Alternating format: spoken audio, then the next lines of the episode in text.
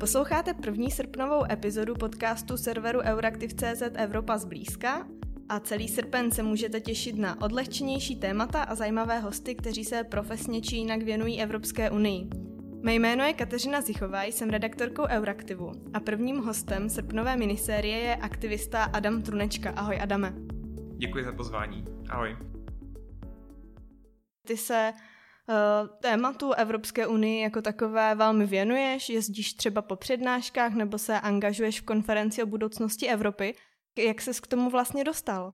Já bych řekl, že docela náhodou. Uh, bylo to v létě roku 2018 a já jsem si vlastně řekl, že s tím, že se teda nějak zajímám o politiku a s tím, že zvažuji, že budu studovat i politologii, tak by bylo vhodné, abych si zjistil něco málo o tom, jak funguje Evropská unie. Přeci jen se také blížily volby do Evropského parlamentu, takže celkově mi to přišlo, řekněme, zodpovědné. No a tak teda jeden ten den v létě jsem si to začal nějak studovat a docela dost mě to zaujalo. Přišlo mi to v mnoha ohledech dost fascinující. Přece jenom Evropská unie je hodně unikátní organizace, uh, takže takhle nějak mě to začalo zajímat uh, po nějaké té v té době ještě amatérské stránce.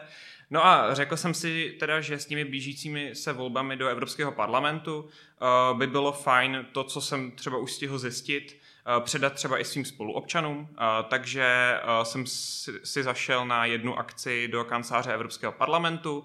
Později jsem se dozvěděl o tom, že se připravuje nějaká kampaň, celoevropská kampaň pro mladé lidi k volbám do Evropského parlamentu Give a Vote. Eh, no a přihlásil jsem se do té kampaně, eh, nějakou náhodou jsem se tam dostal, no a tak začalo moje angažma. Mm, já už jsem to v té první otázce trošku naťukla, že například jezdíš eh, po přednáškách. Je to tvoje profese, nebo to děláš spíš ve volném čase? A co vlastně ježdění po přednáškách o Evropské unii obnáší? Tak uh, dělám to v podstatě ze zájmu, dělám to většinou v rámci nějaké té kampaně, ať to byl ten Give a Vote, ať je to uh, aktuálně kampaň, ve které se angažuji Stand for Something. A v podstatě to obnáší to, že přijedu na nějakou střední školu, samozřejmě se předem domluvím, jedné, dvěma, někdy i třeba třema třídám řeknu vlastně úplný základ toho, co to Evropská unie je, jak to funguje, jaké máme třeba frakce v Evropském parlamentu, to je třeba moje oblíbené téma. Uh, no a snažím se to samozřejmě říkat tak, aby to bylo nějak pochopitelné, takže samozřejmě hodně zjednodušuji. Uh, samozřejmě nemůžu to říkat na nějaké té úplně odborné úrovni, nemůžu to říkat úplně suše, abych, aby mi tam neusli. On tam vždycky jeden, dva lidi spí, ale to je docela pochopitelné. Zároveň ty přednášky jsou hodně interaktivní, snažím se o to, aby jsem tam ty studenty do toho nějak zapojil, prokládám to nějakými vtipnými videi, aspoň tedy vtipnými v rámci možností právě tohoto tématu. Uh, a řekl bych, že to má i docela, docela výsledky. Někdy se stane, že ty žá, ti žáci nedávají moc pozor, což Uh, mě samozřejmě nepřekopuje, ale někdy mě, a velmi často mě příjemně překvapí, že opravdu se zdá, že je to zajímá, uh, reagují nějak v rámci těch interaktivních částí uh, a někdy se třeba i smějí těm, těm vtipným videím nebo třeba nějakému občasnému vtipku, co tam řeknu. Mm, zmiňuješ, že jezdíš po středních školách, už jsi se trošku dotkl toho zájmu ze strany studentů. E, těch přednášek máš za sebou několik, máš pocit, že třeba ten zájem mezi mladými lidmi o téma Evropské unie um, roste? Uh, to asi za mě těžko říct. Ono uh, Řekl bych, že postupem času začali ti studenti dávat na těch mých přednáškách víc pozor, nebo je to začalo víc zajímat, ale to třeba může i souviset s tím, že jsem je ještě od té doby upravoval. V mém okolí pozoruju, že třeba mý přátelé na, mi na sociálních sítích čím dál více reagují na ty věci, co tam postu, postuju, včetně třeba toho nedávného setkání s předsedkyní komise Ursula von der Leyen. Takže řekl bych, že minimálně v té mé bublině ten zájem roste. Dokonce nedávno mě kontaktoval uh, jeden uh, mladý kluk, který řekl, že by se taky chtěl angažovat, že ho inspirovalo to, co dělám. Takže uh, mám pocit, že v mém okolí ten zájem trochu roste, ale nevím, jestli to asi jde generalizovat. Mm, ty jsi zmiňoval, že se aktuálně angažuješ v kampani Stand for Something, která souvisí s konferenci o budoucnosti Evropy, v níž si evropští občané Eh, mají rozhodnout o tom, jakou chtějí budoucí unii, jak má vypadat, jak by si ji představovali. Eh, mohl bys to trošku přiblížit, co v rámci takové kampaně aktivista Adam Tronečka dělá? Tak cílem té kampaně, krom toho, že propagujeme konferenci jako takovou, tak zároveň sami sbíráme nějaký input od těch mladých lidí. Děláme to přes jeden velký dotazník, děláme to třeba i tak, že, v na, že třeba v našich online eventech máme nebo budeme mít nějaké poly nebo, nebo podobné věci. Takže to řekl bych, že je jádrem té kampaně. Dosud jsem zatím navštívil několik měst po republice, já jsem Pražák, takže pro mě je i fajn trošku z té Prahy vyrazit a zase si připomenout, eh, jak to taky vypadá jinde. Rozdávali jsme tam hlavně letáky s odkazem právě na ten dotazník. Plánujeme eh, debaty mladých politiků na různá témata a na konci eh, léta, někdy snad koncem září, plánujeme i nějakou velkou konferenci. Takže to je tak nějak obsah té kampaně Stand for Something tady v České republice. Ona ta kampaň teda probíhá ve více členských státech Evropské unie, tuším, že v 17 a každá ta země si vlastně mohla zvolit trochu jiný přístup, takže tohle je to, co tady děláme my. Když zůstaneme u té budoucnosti Evropské unie, já jsem si všimla, že uh, ty se snažíš Evropskou unii přiblížit uh, svým followerům na sociálních sítích a právě v aktuální době se nabízí přímo to téma konference, která uh, probíhá. Jak ty bys si představoval budoucí Evropskou unii? Já bych si ji určitě představoval více integrovanou, uh, protože uh, přeci jenom uh, během, během těch uh, 70 let, co už nějak ta evropská integrace probíhá, tak se nám podařilo dosáhnout mnohých úspěchů. Vybudovali jsme společný trh, máme celní unii, díky které vlastně, ten, vlastně ta Evropská unie má velmi dobrou vyjednávací pozici, ku příkladu vůči Číně či Spojeným státům a jsou tam i úspěchy v mnoha dalších polích. No a já vlastně si říkám, že ještě je spousta toho, co, jsme třeba, co se nám ještě třeba nepodařilo dostatečně integrovat, nebo respektive je tam spoustu potenciálních úspěchů, které jsme ještě neodemkli. Ku příkladu třeba v oblasti zahraniční politiky, ač tam už jsou velké úspěchy, tak i tam si dokážu představit větší spolupráci. Doufám také v to, že občané budou mít větší roli v evropských institucích, třeba především skrz Evropský parlament.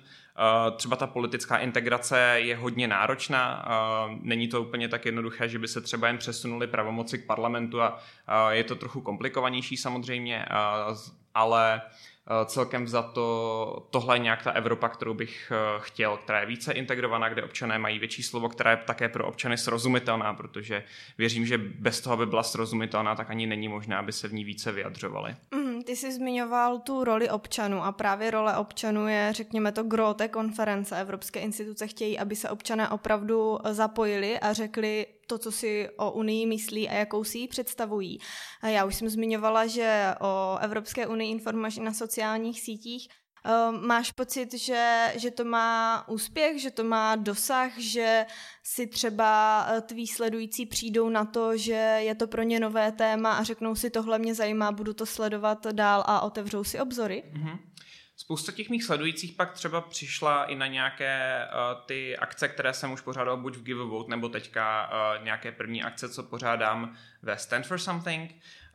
Teďka bohužel, jak je okurková sezona, tak se ta kampaň dělá o něco hůř, takže věřím, že třeba na podzim by jsme měli trochu lepší výsledky. Samozřejmě by jsme měli lepší výsledky, kdyby třeba nebyl covid. Ale ano, určitě spousta těch mých sledujících, spousta mých přátel už se mi nějak motivoval k tomu, aby si obzory trošku rozšířily. Mm-hmm. Zmiňovali jsme vlastně, jaké jsou ty tvé aktivity. Um, co tě k tomu motivuje? Já jsem se už ptala, jak to začalo, ale teď by mě zajímalo vlastně, co je tím hnacím moti- mo- motorem, co tě motivuje. Mě právě motivuje to, co už jsem zmínil, eh, vlastně ty, uh, neodemč, ten neodemčený potenciál uh, evropské integrace v oblastech, ku příkladu té zahraniční politiky nebo obrany, nebo i v jiných oblastech.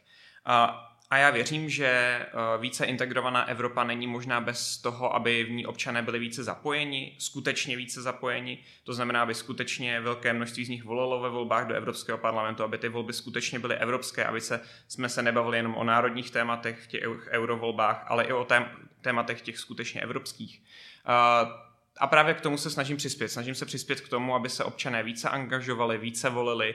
Teďka se angažovali v té konferenci o budoucnosti Evropy, protože to vidím jako takový precondition k tomu, aby ta Evropa mohla být více integrovaná a mohla odemknout další e, svůj potenciál naplno. Mm, říkáš, že to vidíš jako takovou podmínku té další integrace, to větší zapojení občanů, o které se snažíš. Kdybys to měl trošku rozvést, tak mm, proč je vlastně důležité, aby se občané o Unii zajímali a aby se do takových akcí, nejenom jako jsou evropské volby, ale třeba i právě ta konference nebo i jiné aktivity, tak aby se do nich zapojovali? Důležité je, to především z hlediska legitimity a, dlouhou dobu už prostě probíhá debata o tom, jakou tu legitimitu Evropská unie má. Máme tady debaty o tom, jestli třeba, nedej bože, třeba i z Evropské unie vystoupit, což by samozřejmě bylo našťastné. Teďka aktuálně tyhle ty debaty třeba utichly v souvislosti s Brexitem, ale stále je to téma, co se může otevřít. A i kdyby jsme se zrovna teď nebavili třeba o vystoupení nebo o zrušení Evropské unie, což by podle mě byla katastrofa, tak eh, stále není prostě vyřešená ta otázka té legitimity. Takže podle mě, než se Evropská unie může více integrovat, tak eh, je potřeba, aby se do jejího běhu občané lépe zapojili, aby skutečně cítili, že ty instituce jsou jim aspoň trochu blízko. Eh, může to probíhat hand in hand, že zároveň se bude EU více integrovat a zároveň se bude přibližovat občanům.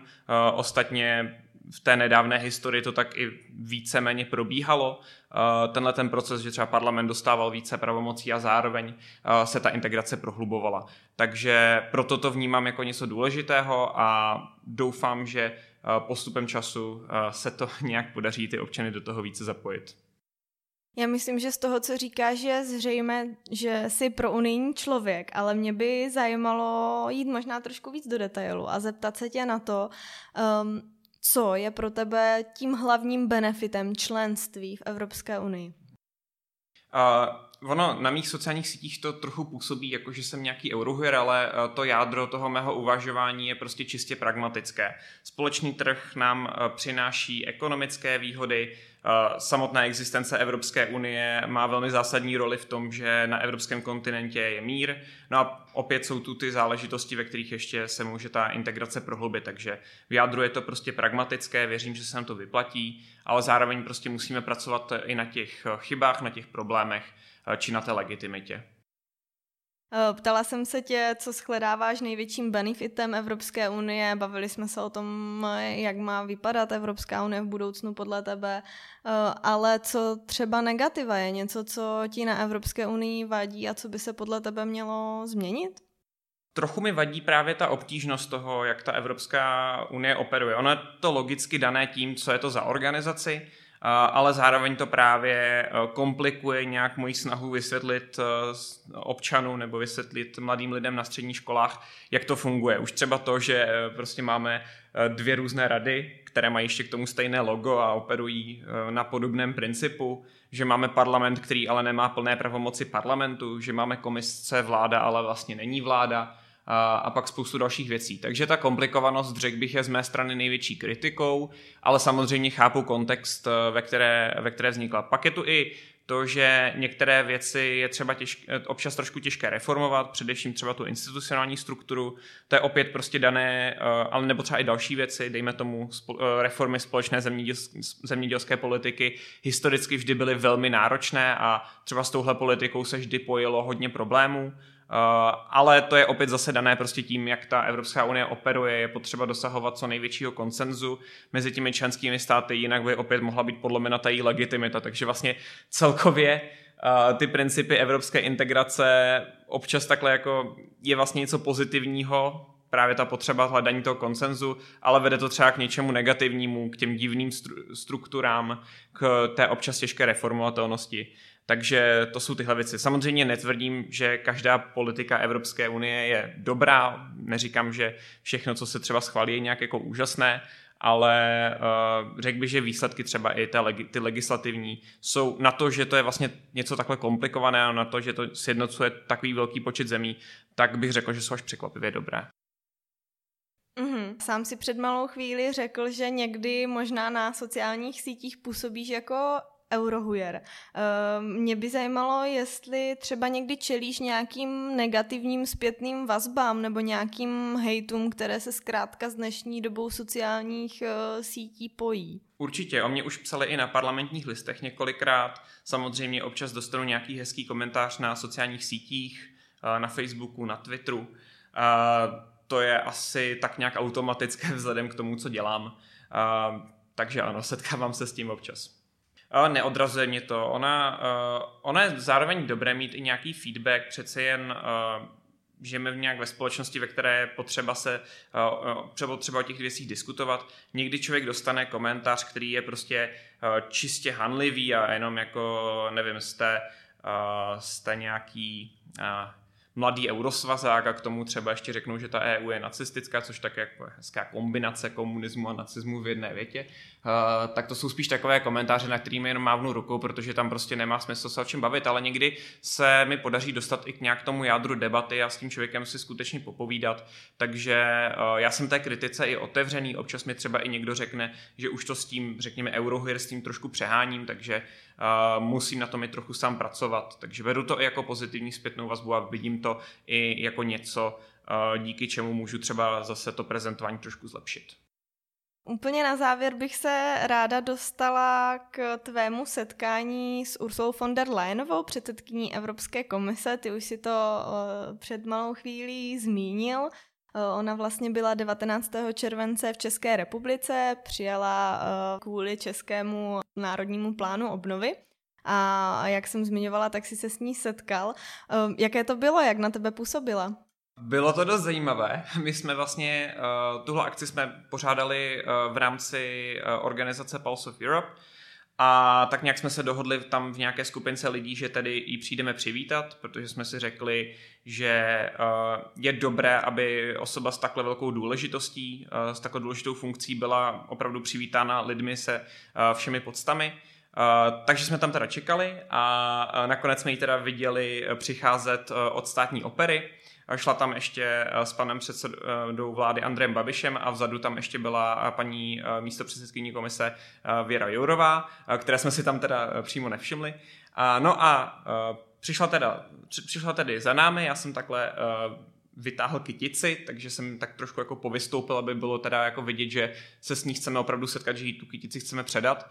Bylo vidět, že jí to opravdu hodně potěšilo. Řekla i tu e, její e, oblíbenou hlášku Long Live Europe, ať je Evropa a uh, pak teda kamarád jí poprosil, jestli si s ní můžeme dát e, skupinové selfiečko. Uh, fotku toho, jak si dáváme to selfiečko, teďka vidím uh, všude i na sociálních sítích Evropské komise, uh, takže to, uh, ta fotka se, řekl bych, docela povedla, dokonce se objevila i na jejím Instagramu, Zajímavé bylo, že na tom eh, jejím Instagramu dokonce uh, se ta fotka, na tom jejím osobním Instagramu se ta, jí, se ta fotka s námi dokonce objevila na prvním místě a pan předseda vlády uh, a další věci jsou tam až vzadu.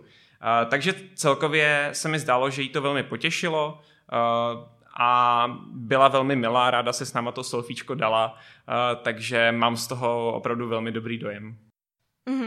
A teď už opravdu na úplný závěr, pokud bys chtěl ještě něco dodat nebo našim posluchačům něco vzkázat, tak máš prostor. Tak eh, já bych vašim posluchačům určitě vzkázal, eh, ať se nějakým způsobem angažují v konferenci o budoucnosti Evropy, eh, buď třeba mladým lidem, ať vyplníte náš dotazník na stránkách kampaně Stand for Something, a nebo i vlastně lidem jakéhokoliv věku, ať se zúčastní jakékoliv akce v létě a věřím, že pak i na podzim třeba po volbách toho bude probíhat skutečně hodně a je to vlastně pro vás všechny, pro nás všechny nějak možnost k té EU se přímo vyjádřit.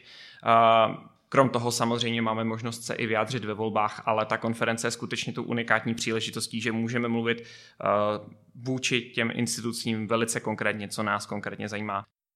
Adame, díky, že jsi přijal pozvání do podcastu Evropa zblízka. Moc děkuji za pozvání.